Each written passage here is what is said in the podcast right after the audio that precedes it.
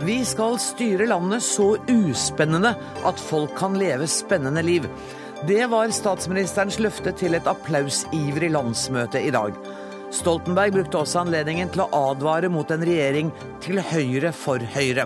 Erna Solberg gir svar på tiltale. Norske kommuner har en gjeld på nesten 350 milliarder kroner til sammen. Smertegrensen er nådd, og vi står foran et kollaps, sier Lars-Erik Borge, som er ekspert på kommuneøkonomi. Fagorganisasjoner varslet Luftfartstilsynet for over to år siden om elendige arbeidsforhold for Ryanair-ansatte med base i Norge. Likevel svarer tilsynet at de ikke har visst om basen.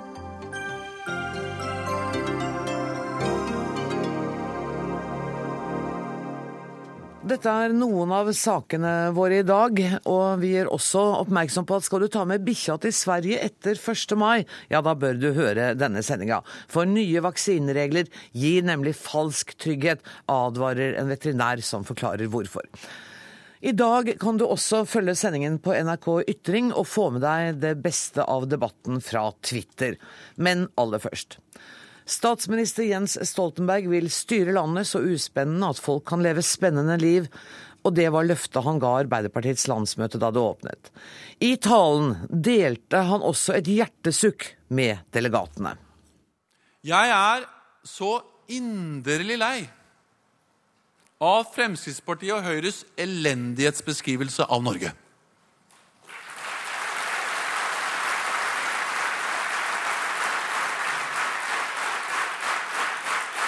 Av, eh, av, eh, av skolen, av helsevesenet og næringslivet. Ja, Statsminister Jens Stoltenberg, du er med oss fra landsmøtelokalet på Youngstorget. Du benyttet anledningen til å peke på en rekke punkter der opposisjonen hadde mislyktes da de satt i regjering. Du kan få lov å gjenta noen av dem nå.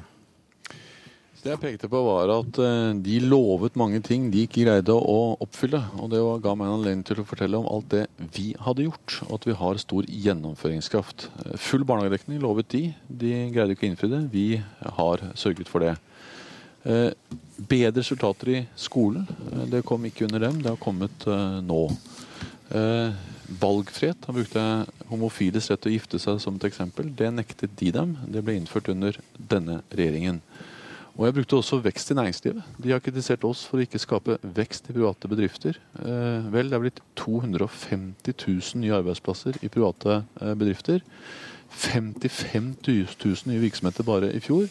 Og det er ti ganger så stor vekst som under dem. Så det var eksempler på ting der vi har vist betydelig gjennomføringskraft, og der vi nå blir kritisert av våre politiske motstandere for å ikke få gjennomføre ting.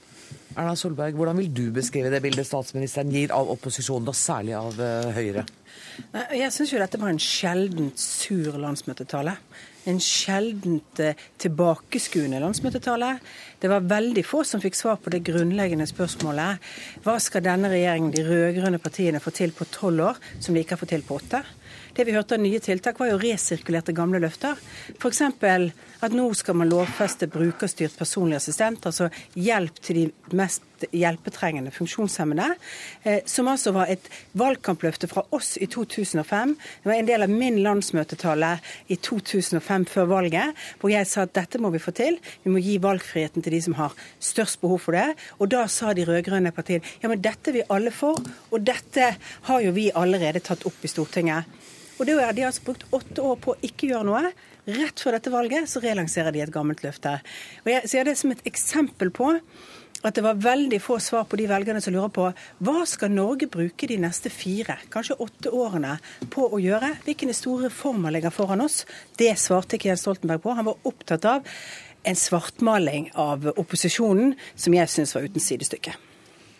Stoltenberg? Vel, dette var en tale som handlet veldig mye om hva vi skal gjøre. Eh, både for å vinne, men ikke minst hva vi skal gjøre når vi har vunnet eh, valget eh, til høsten. Og men er det, det Solberg sier du ikke sa noe om, da?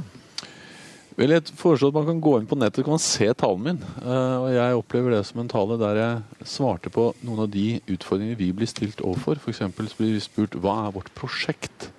Da svarte jeg at vårt prosjekt handler dels om verdier. Om at vi tror på de verdiene det norske samfunnet har utviklet seg på grunnlag av, som fellesskap og rettferdighet. Vi ønsker å ta det videre. så ser jeg at det noen ganger også er et viktig prosjekt på det å forsvare skanser vi har oppnådd. Noen syns det er litt kjedelig eh, at vi er opptatt av å holde orden i økonomien, eh, holde arbeidsløsheten lav. Men de aller fleste land i Europa så er det å ha lav ledighet det er et stort og visjonært prosjekt. og Vi må ikke bli så historieløse at vi tror det er en eh, selvfølge. Og så nevnte jeg at uh, vårt prosjekt kan også beskrives med alle sakene våre. Og da brukte jeg mye tid på skole. Det vi nå gjør for å fortsette den fine framgangen vi ser i skolen. Gjennom mange år så fikk Norge veldig dårlige resultater på de internasjonale undersøkelsene. Nå satser vi på lærerne. Vi skal gi mer etter- og videreutdanning. Vi skal avlaste dem med mye av det byråkratiske arbeidet de gjør. Vi fjerner eh, ordninger som gjør at det blir mindre rapporteringsplikt. Vi skal ha tidligere innsats overfor de elevene som sliter, og vi skal legge bedre til rette for de elevene som er flinke, sånn at de kan ta mer undervisning på høyere nivå. Vi lanserte også tiltak mot mobbing og mange andre tiltak. Dette snakket vi om som eksempler på de sakene vi skal fortsette å gjennomføre, som er en god utvikling i norsk skole som vi ønsker å videreutvikle. Men dette er jo saker som man kunne gjort noe med de siste åtte årene. Denne regjeringen har jo ikke satset mer på etter- og videreutdanning enn det vi løftet til når vi satt i regjering sist. Men dere har stemt ned forslag på forslag. Dere har stemt ned en storstilt satsing på etter- og videreutdanning av lærere. Dere har stemt ned femårig lærerutdanning. Alle de tingene dere lover nå, har dere hatt muligheten til å begynne på, men dere har prioritert andre ting i skolen. Hver eneste gang Arbeiderpartiet nærmer seg en valgkamp, så blir de litt mer kunnskapsorientert. For Høyre har på en måte vunnet skolepolitikken. Det er vår måte å tenke skolepolitikk som nesten alle nå forsøker å kopiere. Men dere gjennomfører det ikke når dere har makt. I åtte år har dere latt SV styre skolen, og det har ikke vært et kunnskapsfokus i de reformene, ekstra pengene som har kommet. Det har vært frukt og grønt, det har vært en obligatorisk kulturtime til alle, det er leksehjelp fra én til fire fra første til fjerde klasse. Altså Prioriteringene dere har vist i åtte år, stemmer ikke overens med det dere lover. Og hvis det skal være pga. skolen man skal stemme på Arbeiderpartiet, så syns jeg man skal ta originalen og stemme Høyre istedenfor. Vel, kanskje det viktigste målet på om vi lykkes i skolepolitikken, er jo om eh, elevene, barna, lærer mer eller mindre. Og der har vi veldig omfattende internasjonale undersøkelser som viser eh, hvordan ulike land utvikler seg. Og som jeg sa, mens vi i veldig mange år opplevde at norsk skole falt, så har vi de senere årene fått flere undersøkelser som viser at vi er på vei opp. Bildet er variert, det er ikke bra på alle fag. F.eks. er nå norske tiåringer best i Norden i matematikk. Det var de ikke før. Vi har hatt den største framgangen i matematikk, og vi har halvert antallet eh, barn som eh, sliter med å lese. Så det er eksempler på ting hvor ting går i riktig retning. Og det er ikke riktig at vi ikke har satset på kunnskap. Vi har utvidet antall timer i matematikk i engelsk. Vi har fått 6600 flere lærere, og vi har lagt om lærerutdanningen. Men det var bare et eksempel på at vi lanserer tiltak, vi gjennomfører tiltak på viktige områder, og dette snakket jeg om i talen min. Men det jeg også snakket om, det var dette med at vi blir kritisert for ikke å være spennende nok. Og da sa jeg det at vel, målet på om politikken er god, er jo ikke om den er spennende. Det er jo andre land hvor det er mer spennende. F.eks. i Hellas har de veldig spennende statsbudsjetter, sa jeg. Men målet på om vi lykkes med politikken, er jo om vi får til resultater. Og jeg sa også at det å skape trygghet, det gjør at mennesker kan leve spennende liv. For trygge mennesker våger mer. Og det var da jeg sa at jeg ønsker å føre en så uspennende politikk at folk kan leve spennende liv. Men, men det, det- at du, det, du, det du sa i talen, jeg har både lest den og hørt deg, er at du, den tryggheten, den kursen vi har nå, den uspennende styringsformen som dere har, det er det som sikrer eh, innbyggernes velferd og lykke. Sier du da at eh, verden for oss ville blitt mye mer spennende, les farligere, med en regjering der Høyre var med? I hvert fall mer usikker, fordi det nye nå er at Høyre eh, før avviste å sitte i regjering med Fremskrittspartiet fordi de mente de sto for en uansvarlig økonomisk eh, politikk. Nå har de sagt ja til å sitte i regjering med Fremskrittspartiet, men de har ikke avklart selve fundamentet for den økonomiske politikken, nemlig den totale pengebruken. Jeg eh, diskuterer gjerne hva vi skal bruke penger på, eh, og jeg mener det er viktigere å bruke penger på skole, på samferdsel, på omsorg enn titalls milliarder på lavere skatt. Men den totale pengebruken er det som bestemmer rente, kronekurs, hvordan det går med økonomien. Og Det er klart at det, det kan bli mer spennende når Høyre og Fremskrittspartiet skal finne sammen når det gjelder pengebruk. Men det er jo ikke bra for økonomien. Det er jo ikke bra for arbeidsplassene.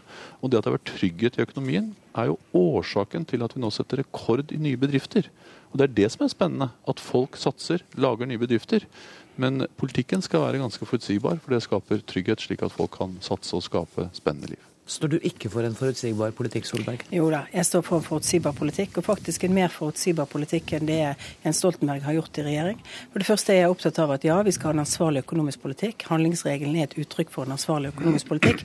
Men hele handlingsregelen, ikke bare hvor mye penger du bruker, men også hva du skulle bruke de pengene på. Og det er jo der Jens Stoltenberg har sviktet i forhold til det som var kompromisset, enigheten om handlingsregelen. Han har brukt penger på mange andre ting enn det som var formålet, nemlig utdanning, forskning, samferdsel og eh, vekstfremmende skattelettelser. Det siste har han jo sluttet med. Det, det var Jens Stoltenberg anno 2001 som var for skattelettelser. I denne regjeringen har han vært imot skattelettelser som kan bidra til bedre vekst i årene fremover. Men det er jo sånn at når vi påpeker en del litt utfordringer som vi har i, i norsk næringsliv f.eks., så, så sier Jens Stoltenberg at det er å snakke norsk, Norge ned. Når todelingen av norsk økonomi er tydelig, når vi har en skogindustri som sliter betydelig, bl.a. fordi vi har vært for dårlige på å, å, bygge infrastruktur som gjør at vi kan ta i bruk eh, biler eller eh, vogntog som, som, tåler, altså som er tyngre og lengre, ja, så, så, så er ikke det å svartmale. Det er faktisk å snakke om noen realiteter og utfordringer. Når Trond Giske lener seg tilbake og sier at det ikke er så farlig at vi scorer dårlig på innovasjon og forskning i Norge, jo så mener jeg faktisk at det er farlig. Fordi jeg mener at skal vi i årene fremover klare å bygge flere ben å stå på, ja så er vi nødt til å forske. Vi er nødt til å ha sterkere innovasjonskraft i vår økonomi, og vi er nødt til å ha opp produktiviteten i, i vårt samfunn. For bare da sørger vi for tryggheten til folk. Mm. Og disse tingene er det Jens Stoltenberg i liten grad har vært opptatt av. Jeg har bare lyst til å, Dette her er den første av mange dueller vi nå kommer til å, å høre fram mot valget mellom dere. Og Jeg har bare lyst til at dere kort begge to skal si noe om hva er det temaet du Solberg skulle ønske ble et hovedtema under eh, valgkampen? Jeg ønsker meg en diskusjon både om helse og skole, jeg. Og så ønsker jeg meg en diskusjon om Fremtids-Norge. Hvordan skal vi skape Fremtids-Norge? For det er det velgerne trenger svar på, ikke krangel om hvilken regjering som gjorde hva. Stoltenberg, hvilke favorittemaer har du foran valgkampen? Først og fremst at vi diskuterer hvordan vi skal ta de fantastiske mulighetene i bruk som Norge har. Jeg tror det er viktig for alle som jobber i skolen, jobber i helsevesenet, at vi ikke bare snakker om krise og problemene, men uh, motiverer dem til å fortsatt gjøre en fantastisk jobb. Og vi har også vist til de fantastiske resultatene uh, mennesker innenfor helse, omsorg, skole får til. Mm. Det samme i bedriftene. Uh, jeg tror det er viktig at vi snakker opp det de får til, for de får til så mye. Det motiverer.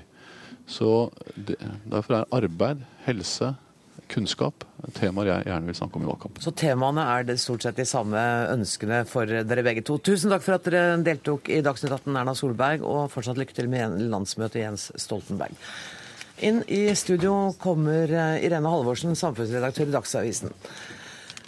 Stoltenberg snakket om et historisk valg. Var dette en historisk tale, eller var den, som Solberg sier, bare sur?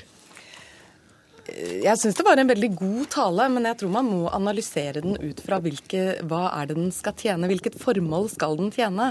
Det er ikke en god tale til folket for å få de til å stemme på Arbeiderpartiet. Men det var det heller ikke. Det var en tale til Arbeiderpartiets landsmøte for å mane troppene til innsats, for å få dem til å få trua igjen på at, eh, på at dette kan gå. Ja. Eh, og han minner eh, sine tillitsvalgte kvinner og menn på at det har ligget dårlig an før, men gått bra. Mm. og han er i hvert fall flink til å Under talen i hvert fall, så var det mye mer applaus enn jeg nesten kan huske å ha hørt under noen landsmøtetale. Ja, og det kan man jo eh, tolke på flere måter. Det kan jo også være at det var en veldig spent forsamling, ikke sant, som blir litt lettet og, og begeistret av, av, mye. Men jeg tenker at, eh, at uh, dette jo også er en tale med mer ideologisk brodd fra Stoltenberg enn det uh, vi har vært vant til å høre fra han. Uh, og Erna Solberg, Høyre-lederen, sier da altså sjeldent sur. Og det, det, tror jeg er treffende for Erna Solbergs syn på hvordan han omtaler opposisjonen. Men det er viktig for Stoltenberg nå å ikke være inkluderende og raus i forhold til opposisjonen, men tydelig dra opp et bolverk, en ramme for hvor han mener grensen går, og hvor forskjellene går mellom det rød-grønne og det stålblå alternativet. Men vi mangler jo liksom visjonen om månelandingen og de store ja, det gjør vi. Det gikk jo ikke så bra heller, da. Nei, gjorde ikke det. Eh, Så kanskje det ikke er så dumt å fokusere på det man faktisk har fått til. Eh, Det er jo alltid sånn i norsk politikk at man eh, ikke sant? Og der treffer Jens Stoltenberg ganske bra på at vi etterspør noe spennende, noe nytt. Men jeg tviler på at denne talen ville blitt vurdert som så veldig mye bedre hvis det lå en milliardreform til tannhelse, f.eks. Altså, jeg er usikker på det. Fordi det han trenger nå, er jo at hans egne tropper tror at dette kan gå an, og retter ryggen og er stolte av det prosjektet de har vært med på. Og det virker jo ikke som det er, altså det virker som det er stor oppslutning om statsministeren i partiet. Ja, det er det absolutt. Og eh, den ordbruken som han, eh, som man bruker nå, er jo også helt annerledes enn det vi husker fra Stoltenberg I-regjeringen.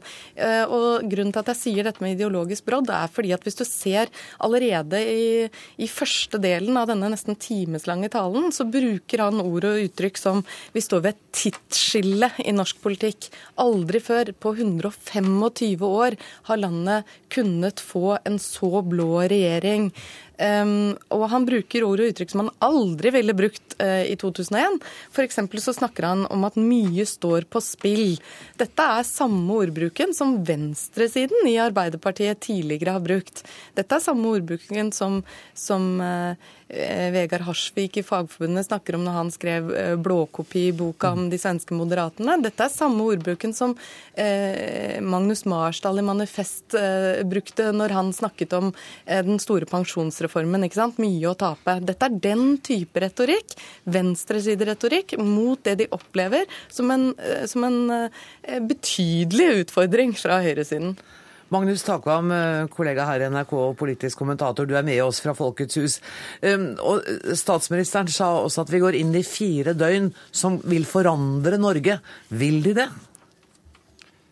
Ja, det vil, eh, det, det vil jo vise seg. Men jeg, i forlengelsen av det dere snakket om, så, eh, så eh, Nå tror jeg kanskje ikke Stoltenberg er 100% enig i analysen om at han er en eh, type Magnus Marsdal. Det mener jeg heller ikke, det tror jeg. Nei, det var, altså, men bare for å, for å følge opp det uh, i og for seg, selv om en del av retorikken kan, kan eh, minne om det, så er det et, et helt klart forsøk fra Stoltenbergs side på å polarisere eh, debatten, og at Arbeiderpartiet leser situasjonen sånn at uh, Høyre har klart nærmest å framstille seg som et slags sosialdemokratisk light-parti, og at det er et udramatisk valg for velgerne som man står overfor. Og da er de selvfølgelig nødt til å uh, uh, snu det bildet. Og da bruker de det faktum at Fremskrittspartiet er en del av eh, det nye regjeringsprosjektet til nærmest sånn å, logisk sett analysere seg fram til at eh, også Fremskrittspartiets politikk må med nødvendighet få innflytelse over over en, eh, en regjering der disse to eh, partiene er med. Mens han nærmest da framstiller la oss si, det gammeldagse Høyre, eller det tidligere Høyre som samarbeidet med sentrum, som et langt mer ufarlig og spiselig prosjekt. Så der kommer vi nok til å se mer av den skal vi si, konfrontasjonslinjen mot høyresiden i, i, i tida framover. Ja, det, er- det er jeg helt enig i. og jeg tenker at eh, Man også må huske at det er vanskelig for Arbeiderpartiet dette her nå, fordi Jens Stoltenberg elsker tall, og han elsker den type debatter. Det var mye lettere for han å radbrekke Fremskrittspartiets økonomiske politikk og gjøre eh, eh, sannsynlig- og usannsynlighetsberegninger av deres eh, alternative budsjetter, nå som Høyre er så suverent størst og helt åpenbart det partiet som leder an på borgerlig side, så har Arbeiderpartiet og Jens Stoltenberg en større jobb eh, knyttet til å dra opp disse grensesteinene. Eh, Magnus Takvam, hva var det Jens Stoltenberg ikke snakket om i dag? Pensjonsreformen og beredskapen i Norge og den typen ting, miljø, eh, som han da også ble spurt om på eh, pressekonferansen etterpå. Det er en del etterlyste nettopp den typen deler av samfunnet, at han ikke tok opp det. Men som dere allerede har vært inne på, så var vel eh, det han skulle levere, en tale på en måte til sitt eget landsmøte og få opp gløden. Sånn at eh, Jeg tror de fleste oppfatter det sånn at han leverte det som talen var eh, tenkt til eh, her. Og så vil eh, regner jeg med resten av landsmøtet eh, dekke opp en god del av de andre eh, områdene som, som han ikke tok opp. Men utover talen og det som ellers vil prege landsmøtet, så er det jo denne ene, ene konfliktsaken om Lofoten og Vesterålen som, som liksom alle snakker om. Og men jeg opplevde vel at uh, Jens Stoltenberg i sin tale i forhold til det prøvde å ufarliggjøre den typen intern debatt i Arbeiderpartiet. Altså at vi har hatt konflikter før, og jeg har tapt og vunnet slag før. Og sånn er politikkens vesen. Så det er langt det er selvfølgelig noe med å ufarliggjøre den typen konflikt, men uh, den er også faktisk mindre intens enn den kanskje var for et par år siden. Men, men, så, For to år siden så hadde han jo en landsmøtetale der han tok alle på senga og rappa SVs klær og snakket om det karbonfrie Norge. og den, En sånn type tale hadde jo eh, vært kanskje litt vanskeligere inn i den konflikten om eh, Lofoten, Vesterålen og Senja. Så Sånn sett så la han jo et sånt, et sånt grunnlagsteppe som alle kan være enige om da, i den landsmøtetalen. Det er ingen som er uenig i at arbeid til alle er viktigst, og at helse og skole er veldig viktig. Det var så langt vi kom i denne runden. Tusen takk for at uh, dere deltok i Dagsnytt 18, Magnus Takvam og Irene Halvorsen.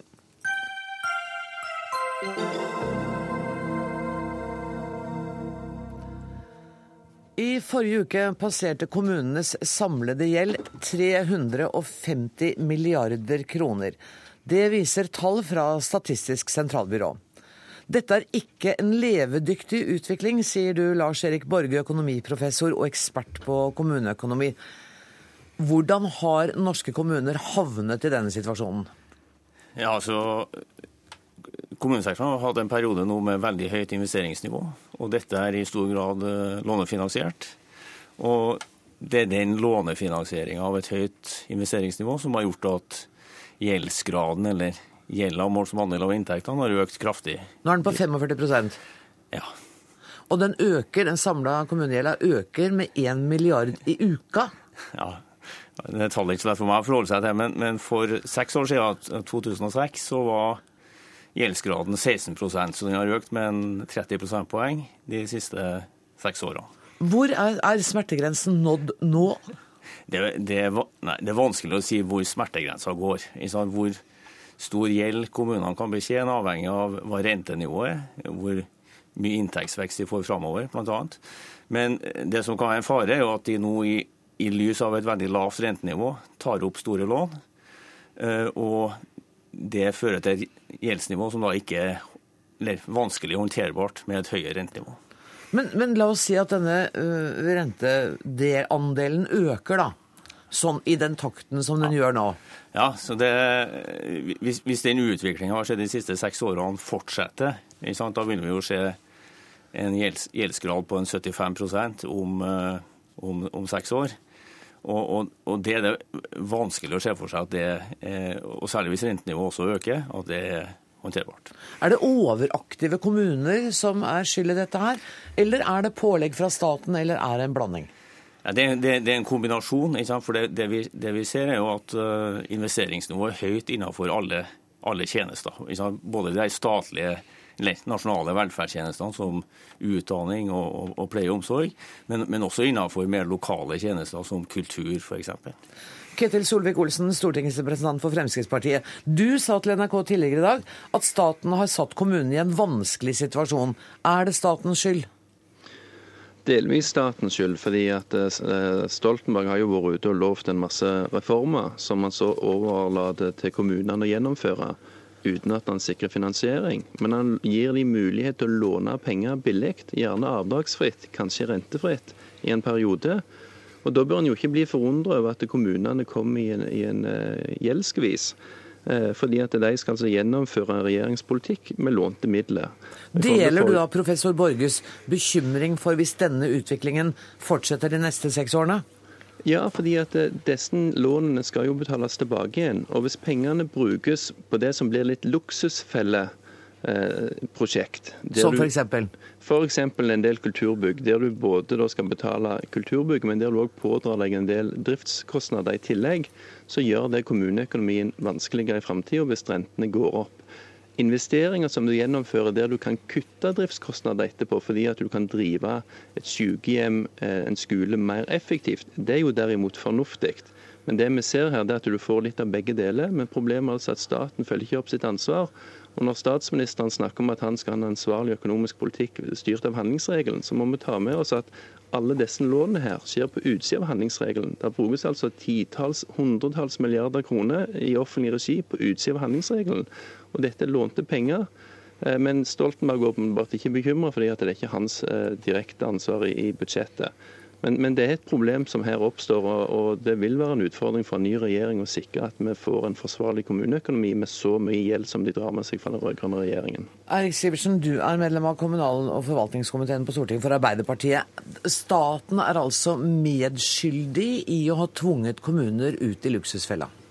Ja, Det er en eh, påstand som jeg ikke er enig i. Men, Å, så overrasket jeg ble nå. Ja, ikke sant? Ikke du var med, enig med Fremskrittspartiet.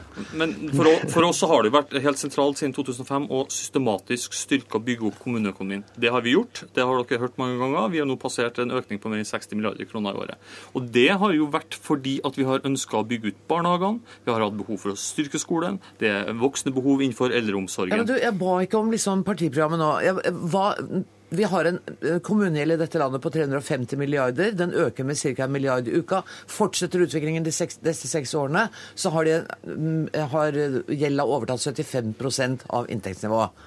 Ja, det, vi, vi følger også denne utviklinga nøye. og Vi har begynt å signalisere at kommunene må og Det er kommunene som tar opp lånene, men det er også dem som er ansvarlige for velferdsutbygginga. Men vi har rusta dem til å ta opp lån fordi at vi har ønska økt aktivitet. Vi har ønska en satsing på skole, eldreomsorg og barnehage osv. Men så er, men så er Så det jo dere sånn har at oppfordra til låntagingen på visse områder. ja, Vi har oppfordra til, til låntaking fordi at skole, barnehage og eldreomsorg er viktig.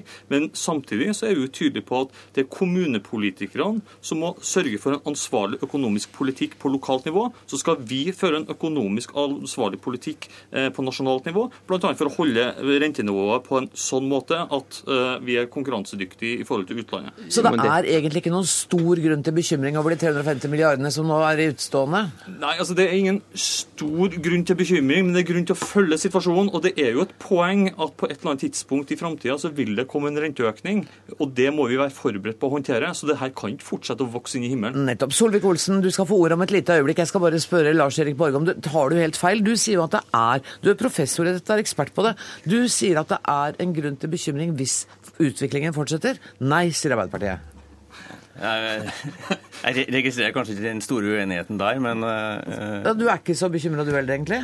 jeg, jeg, nei, Gjeldsnivået har, har blitt høyt, men, men som jeg sa, det, det er vanskelig å, å peke på at vi nå har passert en liksom, smertegrense for, for hva kommunene kan tåle. Men det jeg sier, på sånn, tror jeg som, som min sidemann, er at hvis utviklinga fortsetter sånn som den har vært de siste årene, så vil vi nok passere den smerte, smertegrensa, og særlig hvis rentenivået øker, som det også er grunn til å forvente. Altså ingen dramatisk situasjon nå, Ketil Solvik-Olsen? Nei, akkurat nå er kommuneøkonomien, eller rentenivået, såpass lavt, og det er såpass eh, god tid for samme avdragsfrihet og, og rentekompensasjon at det framstår ikke som truende. Men altså avdragsfriheten vil jo eh, opp, opp, eh, avsluttes. Rentekompensasjonen vil avsluttes. Men det vi ser her, det er jo at regjeringens velferdsløfte gjennomføres på lånte midler. Når statsministeren og Arbeiderpartiet sier de fører en økonomisk politikk, så er det jo fordi at det er jo kommunene som eh, tar på seg gjelda her, ikke staten. Så det, Staten har isolert sett en ansvarlig økonomisk politikk, men det offentlige Norge har jo ikke en ansvarlig økonomisk politikk når du låner penger. Ofte lånes disse pengene fra utlandet til høyere rente enn det vi sparer oljepengene våre til i utlandet. Og når en større andel av kommuneøkonomien, selv om kommunene nå altså har fått økte inntekter, så er det en større andel av de, denne nye økonomien som skal gå til å betjene gjeld. Og Det er ikke ansvarlig. At en ikke er bekymra akkurat nå. Ja, jeg er bekymra på, på vegne av norske kommuner, på vegne av de som skal produsere velferden, når du altså drar med deg en så stor gjeldsbyrde inn i, i framtida. Men det er jo ikke bare kommunene dette har skjedd i, dette er òg husholdningene. Og vi ser at næringslivets investeringer går ned. Så det er mange makrotall her som går i feil retning, selv om Stoltenberg gjemmer seg bak at så lenge han følger handlingsregelen, så angivelig alt greit. Men Solvik-Olsen, mener du at det skulle vært en større statlig styring av de kommunale investeringene, sånn at staten f.eks. kunne si nei til bygging av store, flotte kulturhus? Eh, Kommunepolitikerne skal få lov til å prioritere det, men de må være klar over hva slags risiko de går- inngår, og ikke at staten stimulerer det gjennom å ha en rekke lån som er renteavdragsfri. For da lures du til å ta opp lån fordi at du markedet ikke på, på kommuneøkonomien til å begynne med. Men Fremskrittspartiet har jo sagt at for å sikre at primæroppgavene til, til kommunene gjennomføres uav, godt uavhengig av hvor du bor i landet, så vil vi ha mer øremerking av midlene til eldreomsorg, til skole. Eh, Vi kaller det stykkprisfinansiering. Men da sikrer du altså at kommunene gjennomfører de oppgavene. Hvis da noen kommuner klarer å drive administrasjonen sin så effektivt at de har penger ekstra til å satse enda mer på kultur, den type ting, Ja, så så skal ikke jeg protestere på det. Nei. Men det er feil å lånefinansiere disse satsingene. Sivertsen. Ja, altså, eh, Forskjellen her på Frp og, og Arbeiderpartiet er jo at vi har tiltro til at norske kommunepolitikere faktisk er ansvarlige mennesker som er i stand til å vurdere hva er behovene, er i stand til å vurdere risikoen, og også skjeler til at de har en regjering som har økt eh, rammene. Og så er det, jo et, er det jo et poeng at antallet kommuner på den såkalte Robek-lista var i mai 2005 var på 116 kommuner. I dag så er den ca. 50, altså mer enn en halvering. Og det er jo tegn på at kommunene faktisk skikker økonomien sin bra. Lars Erik Borge, du får siste ord her. Du ba om ordet. Ja, det, det har vært mye snakk om de rentekompensasjonsordningene. og Det er et, veldig tveegget sverd. På, det, på ene sida reduserer det renteeksponeringa for kommunene, så det er lettere å håndtere et høyt gjeldsnivå. Men faren med dem er at de oppfordrer til høyt investeringsnivå som, og, og store låneopptak, som etter hvert blir vanskelig å håndtere. Og som kan gjøre at du går på en smell. Det gjelder altså å følge godt med. Det kommer dere til å gjøre. Tusen takk til professor Lars Erik Borge, til Eirik Sivertsen fra Arbeiderpartiet og til Ketil Solvik-Olsen fra Fremskrittspartiet.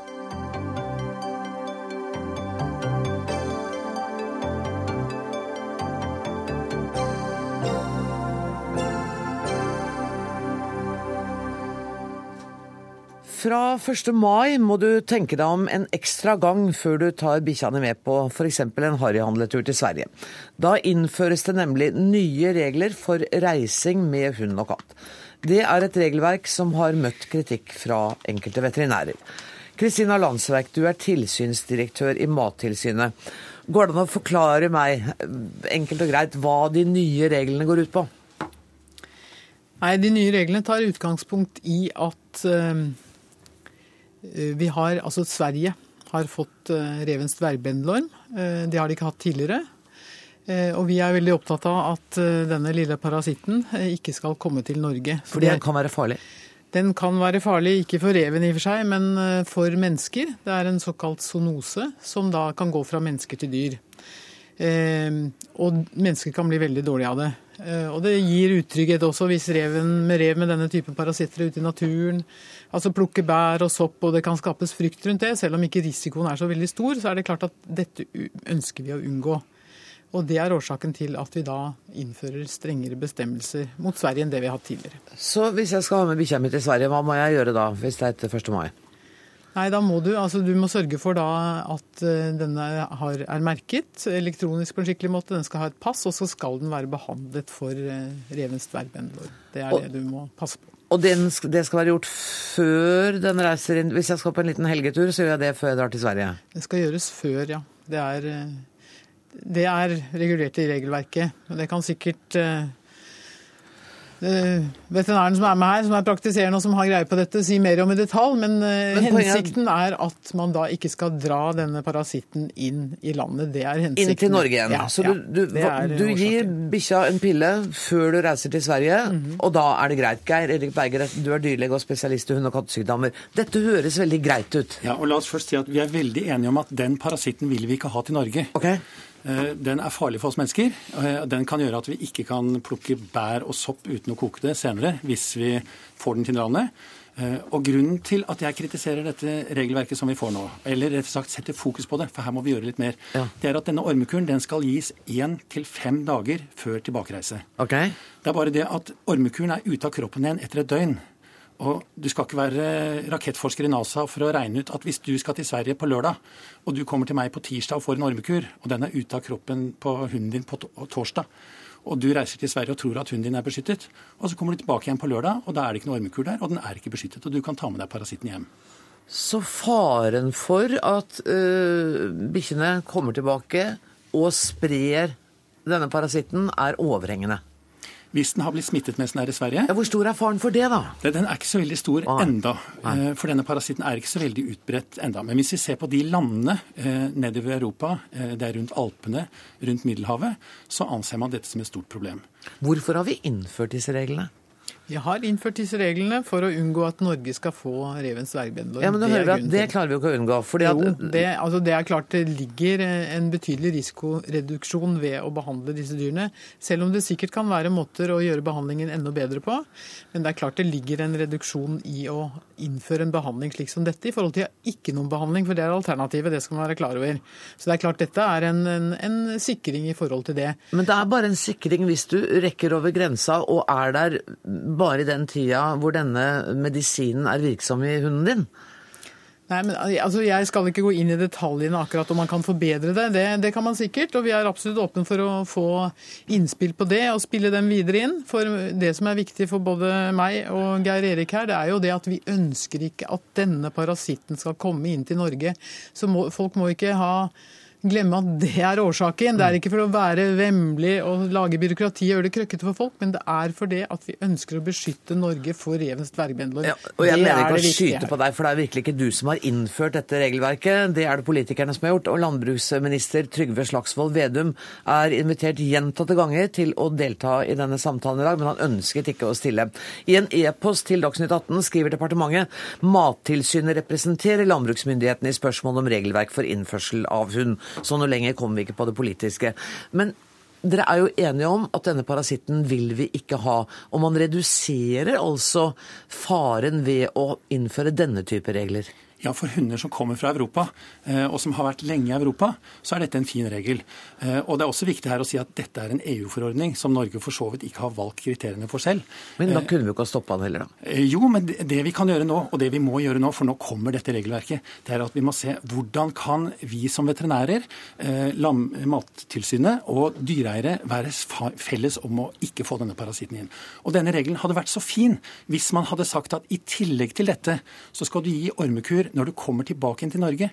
Så hvis du kommer til meg nå, så vil jeg gi deg en ormekur og stempel i passet ditt, og så vil jeg si at det er det som regelverket sier. Men her har du en pille, og så gir du den når du kommer hjem. Da har vi løst problemet. Så enkelt kunne vi gjort det. Så det jeg ønsker meg fra Mattilsynet, det er at de skriver på sine hjemmesider at vi vil samtidig, i tillegg til dette regelverket, på det sterkeste oppfordre folk til å gi ormekur etter at de har kommet hjem igjen. Og samtidig sende et brev til alle norske veterinærer om å oppmuntre til å gjøre det samme. Kan dere gjøre det? Ja, det kan vi gjøre. Så det syns jeg vi tar alle gode forslag Ja, her det? Liksom, da går du hjem og gjør det? Ja, det kan vi gjøre. Altså Det som er viktig for oss, er jo å få dette til å fungere på en god måte, så vi ikke får inn denne parasitten. Og jeg ser jo det at her, når det er gode forslag til å komme, altså utvide eller gjøre det enda bedre enn det som i og for seg ligger i regelverk, så absolutt. Og det er jo ikke slik at man må bare gjøre det som er i regelverket. Man kan jo finne fornuftige løsninger også for hvordan vi gjør dette på best mulig måte i Norge. Og hvis dere er kan komme med den oppfordringen, så er jo det kjempefint at Ja, dere gjør det på hjemmesidene. Men du, en, det er kanskje litt en margin, marginal spørsmålsstilling, men en del nordmenn har jo hytter i Sverige og har hunder og er der regelmessig. Hvor stort vil problemet være for dem? Nei, det, så vidt jeg skjønner, så finnes det jo også løsninger for, som gjør det litt enklere for dem å håndtere akkurat dette. Men eh, Geir Erik kan sikkert vi, også det gjør vi ved å gi ormekur én gang hver fjerde uke. Fordi hvis de da er smittet med denne parasitten, så rekker ikke den å bli kjønnsmoden og lage egg før det har gått fire uker. Så ved å gjenta dette hver fjerde uke, så løser vi problemet på den måten også. Ok, Så da er det ikke problemstilling at medisinen er ute av kroppen på et døgn? For da, Nei, da er du smittet, men du rekker å behandle den før den begynner å skille ut egget. Så hvis du har hytte og reiser mye, eller av andre grunner reiser ofte til Sverige og har med hunden, gå til veterinæren en gang hver 28. dag. Ja, Men det er en ting til her. Vi henter med dette regimet ikke opp de som kommer fra utlandet, og som har vært lenge i utlandet. Og dette er jo egentlig litt større politisk sak, fordi dette gjelder både England, Irland, Finland og Malta. Eh, Og dette er altså et regelverk som EU har tredd nedover huet på oss. Hvor man har satt EUs fire friheter med flyt av folk og fe foran dyrehelse. Nå krever du litt mye av Dagsnytt 18. Nå har vi rydda opp i at det skal komme på hjemmesidene at oppfordringen til at eh, folk også gir en eh, ormekur når de kommer tilbake. De andre landene har vi så innmari liten innflytelse over. Men vi gjør så godt vi kan. Tusen takk for at dere kom, Geir Erik Berge og Kristina Landsverk.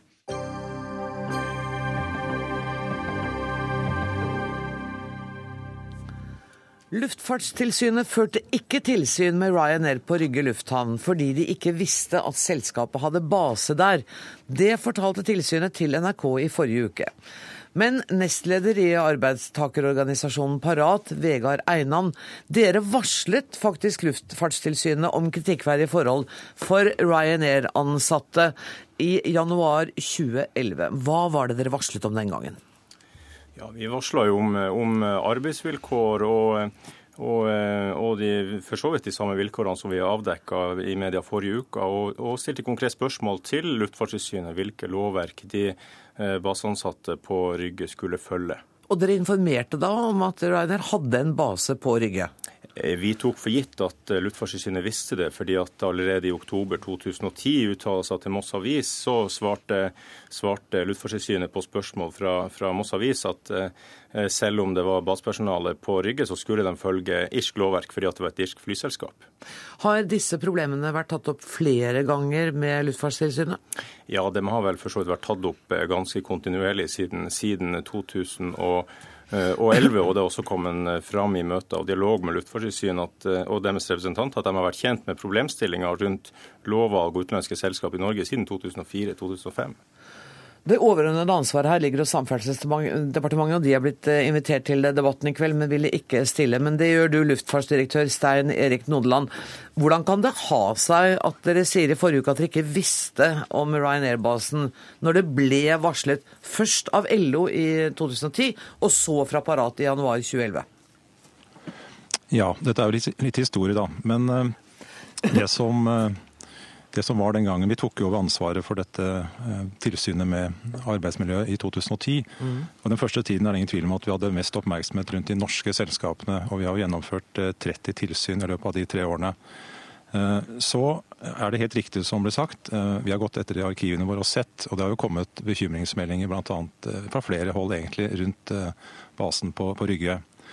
Eh, Det som var problematisk, er eh, hvorvidt det er en eh, hjemmebase på den måten at det er de som da starter arbeidsperioden og avslutter den, om de faktisk gjorde det fra Rygge.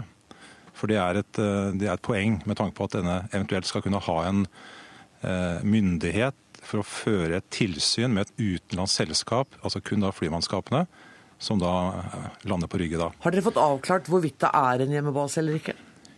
Ja, altså, Nå gikk jo tiden, og det kan sikkert eh, kritiseres muligens da at vi ikke har vært aggressive nok. Men det er litt kompliserte spørsmål. Og den avklaringen fikk vi da i, i 2012. eh, Hva sa den? en presisering, en presisering fra Samferdselsdepartementet at de, eh, for det første at vi da kan ha tilsyn med den, type virksomhet. Og så henvendte vi oss til irske myndigheter, og det fikk vi svar i år om at de faktisk da per definisjon har en hjemmebase på Rygge. Og, og da er jo mulighetene for oss til stede for å gjøre det, og vi har hjemmel for å gjøre det. Og det skal vi også gjøre i 2013. Ja, Men du kan ikke si noe mer om når? Nei, altså... I løpet av vi- året? Ja, altså snarest mulig. Og det, det vi gjør nå, er at vi, vi forbereder det. Og vi kommer til å sende ut varsel til da både Ryanair og først og fremst også, også da kopi til irske myndigheter. Og eh, litt tid vil jo ta. Nå er vi jo spent på reaksjonen på det varselet. Men eh, målet er å få gjort det før sommerferien i hvert fall. Mm. Men det er jo en problemstilling at dere har to inspektører og 30 flyselskaper dere skal eh, inspisere, da. Ja, det er klart, Hvis man ser på det, så høres det kanskje litt, litt lite ut, men ser man i forhold til hva man faktisk gjør her Vi snakker om at vi kan ha et, det er forskjellige måter å gjøre det på. Vi kan vurdere risiko. og Da snakker du kanskje om å møte et selskap mellom hvert andre og tredje år. Så mener jeg at det er sammenlignbart med en del andre måter å gjøre det på. Og Dessuten så er det da såkalt systemtilsyn. Det er jo ikke en enkelt arbeidstaker, det er heller hvordan de har lagt opp eh, opplegget sitt som vi har tilsyn med. Så det er vi fornøyd med. I tillegg så har vi vi har jurist, og vi har også lege, som er da spesialist på arbeidsmedisin, med i den organisasjonen som, som utgjør den kompetanseorganisasjonen rundt dette med HMS-tilsyn. Ja, For det er HMS-tilsynet dere nå har overtatt fra Arbeidstilsynet, ikke sant? Det er helt riktig, det er arbeidsmiljøforholdene. Ja. Mm. Uh, Vegard Einan, uh, er Parat fornøyd med det dere hører nå? Det blir gjennomført en inspeksjon i løpet av året. Det blir sendt varsel til Ryanair om at inspeksjonen skal gjennomføres. Vi er, jo, vi er jo uh, fornøyd med at det skal gjennomføres et tilsyn, så absolutt. Det er jo det vi har, eh, har bedt om eh, hele veien. Eh, Og at det er avklart det er jo for så vidt også viktig og, og på tide. Jeg er litt usikker på om jeg slår meg til ro med å uttale seg om at det skal gjøres i løpet av året, og da kanskje mer begrensa før sommerferien. Vårs, vårs ønske og, og krav er således at det skal gjøres så snart som mulig. For nå har vi en situasjon som har, har foregått i tre år på norsk jord hvor vi har arbeidstakere med et så, så dårlig arbeidsmiljø, som er varsla i flere år, at vi mener at det er særdeles kritikkverdig. Og et dårlig arbeidsmiljø det er også en sikkerhetsfaktor. og Det, det mener vi Luftfartstilsynet bør ta mer alvorlig enn å bruke månedsvis på å forberede tilsyn. Men du, Har dere da ikke noe annet valg, eller medlemmene deres ikke noe annet valg enn å sitte og vente på et tilsyn fra Luftfartstilsynet?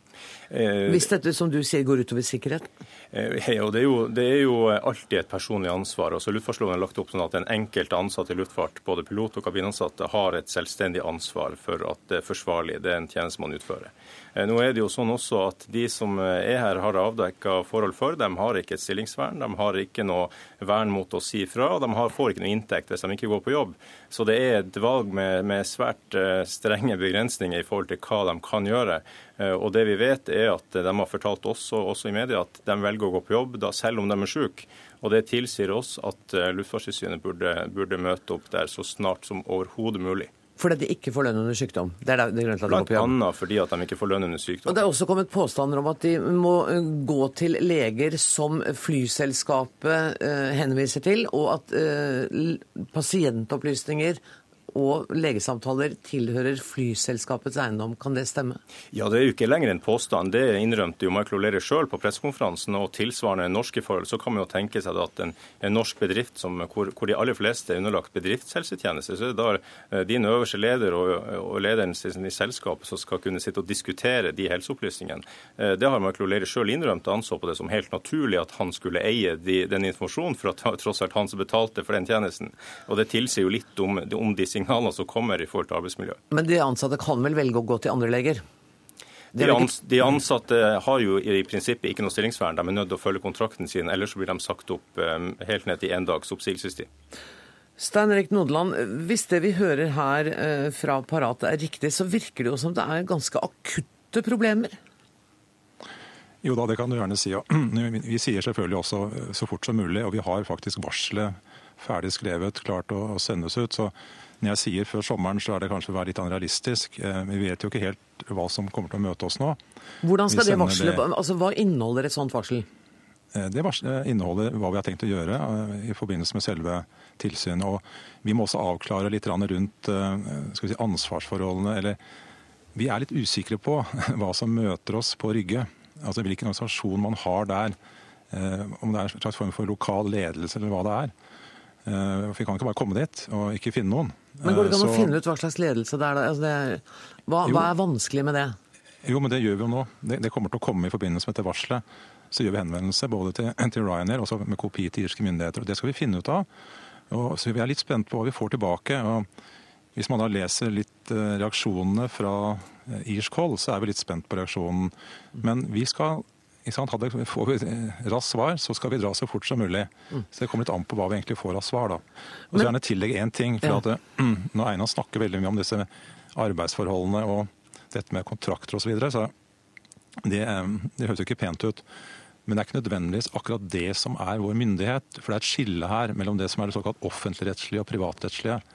slik at det er ikke alt vi faktisk kan ta tilsyn med. Men nå skal vi gjøre så godt vi kan i å prøve å avdekke Det har et såkalt bredt tilsyn, da. For det kommer litt dårlig fram at det er litt forskjell på hva vi faktisk har myndighet til å ha tilsyn med. Men du, når dere sender et sånt varsel, er det da med en svarfrist? Uh, ja, det nå har ikke jeg akkurat sett utfordring på det, men det er klart at det, det, kan jo være en tanke vi kan ta med oss. Vi skal i hvert fall gjøre vårt beste for å følge det opp, slik at vi får et raskt svar. Vegard Anna, når begynner du å bli mer fornøyd nå? Nei, Nå blir jeg egentlig litt, litt bekymra. at uh, jeg kan jo tenke meg at Michael O'Leary og Rainer vil ikke legge to pinner i kryss for å svare veldig kjapt på en hendelse fra norske myndigheter hvor de underlegger seg en, en kontroll. Det, det, nekter jeg å tro på. Uh, og også, også, så det er noe så, og det, Der vil jeg bare si til, til eh, Nodeland, også i forhold til, til den norske regjeringa, som også har et overordnet ansvar. Det går ikke an å sitte lenger passivt og vente på at Rainer skal få lov å diktere agendaen. Her må man ta et aktivt initiativ, for det har man mulighet til som norske myndigheter. Og, og begynne med, med den, den skillet mellom offentlig og privatrettslig, det er sånn juridisk spillfekteri. fordi at du kan ikke skille det privatrettslige fra det offentligrettslige når det er snakk om arbeidsmiljø. Eh, folk som går på jobb når de er syke fordi at det står i kontrakten deres som ikke får sykepenger og har kort oppsigelsestid og kan bli sagt over som er syke, det går utover arbeidsmiljøet. Og jeg vil jo da spørre luftfartsdirektøren, mener han at arbeidsmiljøet ikke har noe å si for prestasjon og flysikkerheten om bord i flyene? Ja, Det var litt av et spørsmål, for nå synes du blandet veldig mange ting sammen. Ja, og det er klart du mener at eh, det har noe mm, å si. Ja, Jeg vil tippe at at du mener det. Men, tror, men det, men ja. hør, det ble useriøst av Einan å si at det ikke kan skille mellom offentligrettslig og privatrettslig. Det, det går egentlig ikke an. Vi, altså, vi, vi må ha hjemler for det vi gjør. Mm. Men vi skal gjøre så godt vi kan med å titte inn i de andre tingene. Og lenger Eh, kommer vi ikke i dag. Vi må stole på Mm. at uh, Stein Erik Nodeland og Luftfartstilsynet gjør så godt de kan. Tusen takk for at eh, dere kom til Dagsnytt 18, og det gjelder deg også, Vegard Einan fra Parat. Hør Dagsnytt 18 når du vil, på nettradio eller som podkast. nrk.no – dagsnytt 18.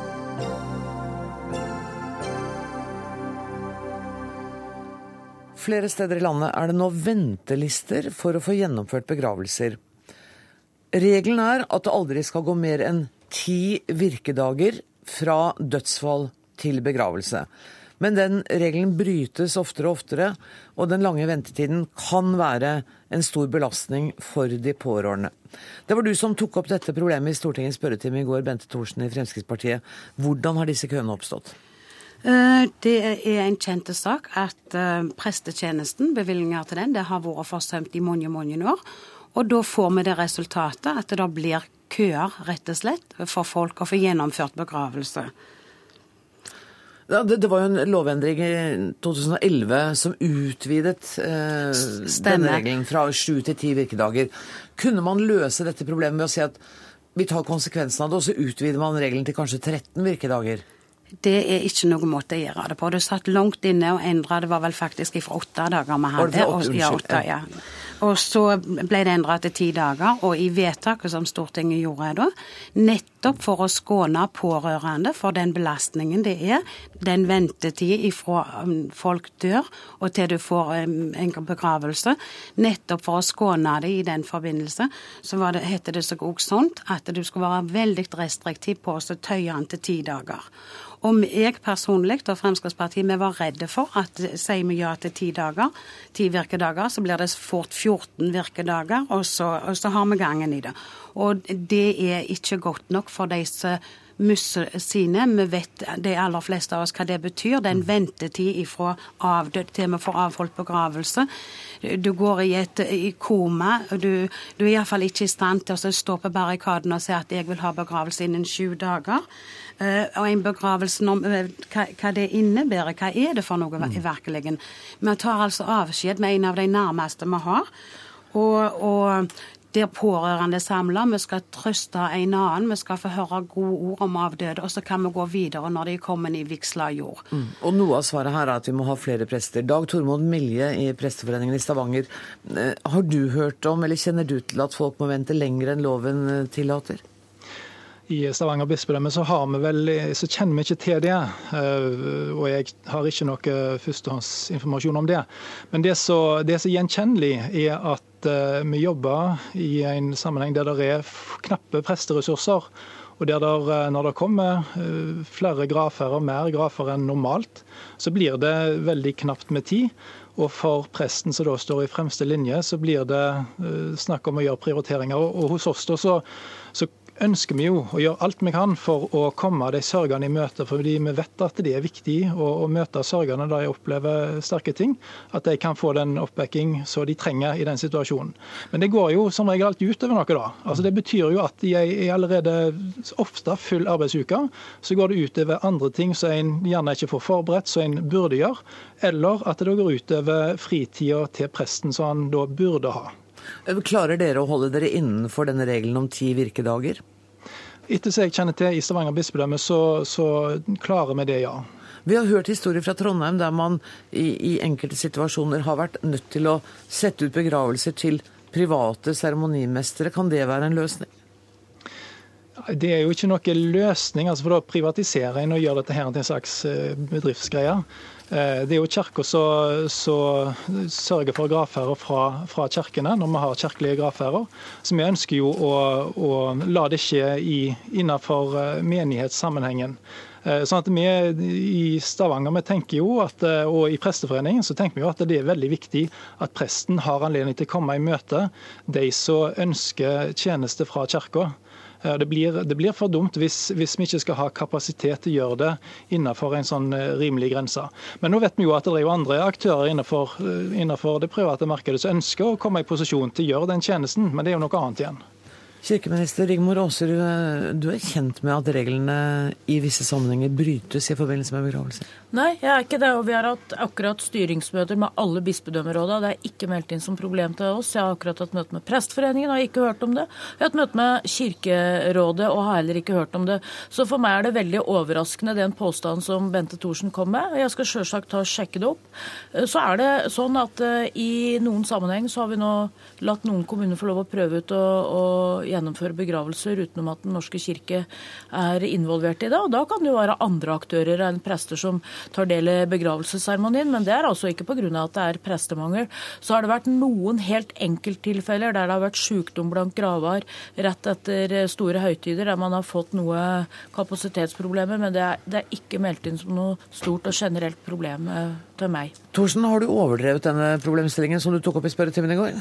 Det tror jeg slett ikke at jeg har. Nå leste jeg den artikkelen i Tidenes eh, krav som viste til at det var pårørende der som syntes det var forferdelig fælt og måtte vente over 14, 14 dager før de fikk bisatt sine. Jo, men med all respekt, om, om det har skjedd én gang, er det da stort Og I tillegg så har jeg fått flere tilbakemeldinger på dette her. Men uansett om det er veldig mange eller veldig få, så er det ikke sånn folk skal oppleve det. Eh, at de, de, de, i unntakstilfeller så dette er greit. Eh, at det kan hende. For det kan hende for alle dersom det blir sykdom eller et eller annet. Men med den mangelen vi har i dag, når vi ser at norske prester betjener 100 flere medlemmer enn sine kolleger i Sverige og Finland Tusen flere. Tusen flere, ja, beklager. Altså De har tusen flere medlemmer per prest i Norge betjener. Så sier det seg mest sjøl at dette her, det, det, det går bare ikke helt i hop. Men nå sier jo statsråden at det går. Det er ikke meldt inn sånne problemer. Hun har hatt møte med de ansvarlige i Kirken. Ja, og jeg skal selvsagt ta, ta, en ekstra sjekk på de påstandene som Fremskrittspartiet kommer med. Vi har også sjekka den saken som sto i Tidenes krav, og jeg tror også Artikane var ganske tydelig på at det var et engangstilfelle knytta til sykdom. Men jeg tar selvsagt de påstandene som stortingsrepresentanter kommer med, på alvor. Men så er det også sånn at uh, norske prester uh, har varierende eh, altså, antall medlemmer å betjene. Stavanger er jo et av de områdene der det er stor tilflytning, og det er eh, krevende å disponere presteressursene. og Det har jeg stor forståelse for at det er krevende. For vi har altså noen fraflyttingsområder der det blir færre medlemmer per prest, og vi har noen tilflytningsområder som det blir mange per prest. Det er en utfordring som det er viktig at vi har fokus på. Men så vil jeg også si til Fremskrittspartiet, for dette Eh, Fremskrittspartiet er opptatt av og sier at man har bevilget mer penger til prestetjenesten i Norge i sine statsbudsjetter. Ja, det har de. Men de penga tar de altså fra bistandsbudsjettet, fra klima og, og, og kutter 2,3 milliarder kroner på uføretrygden. Nei, men La oss nå ikke ta valgkampen, la oss holde oss til det vi snakker om. Jo, men eh, jeg syns det, syns det er ganske viktig. For, ja, for Thorsen sier jo hele tida at de bevilger mer penger til prestetjenesten. Og det, det syns jeg Da må man også ja, fortelle men, hvordan man finansierer det. Nå er det tre stykker som snakker på en gang, eh, og jeg har tenkt å la presten få det siste ord. Du mener at det kom, bør være flere prester. Dette må du svare veldig kort på. Ja, I Stavanger så har vi de siste fem åra mista sju prestestillinger. Det er ut fra etatsstatistikken. Nettopp. og det er et problem for Stavanger. Det blir siste ord i denne saken. Tusen takk skal du ha, Dag Tormod Milje. Takk til Rigmor Aasrud, og takk til Bente Thorsen. Det er slutt på Dagsnytt 18 for i dag. Ansvarlig var Ida Tune Øritsland. Det tekniske ansvaret har Karl Johan Rimstad. Jeg heter Anne Grosvold på Gjenør i morgen.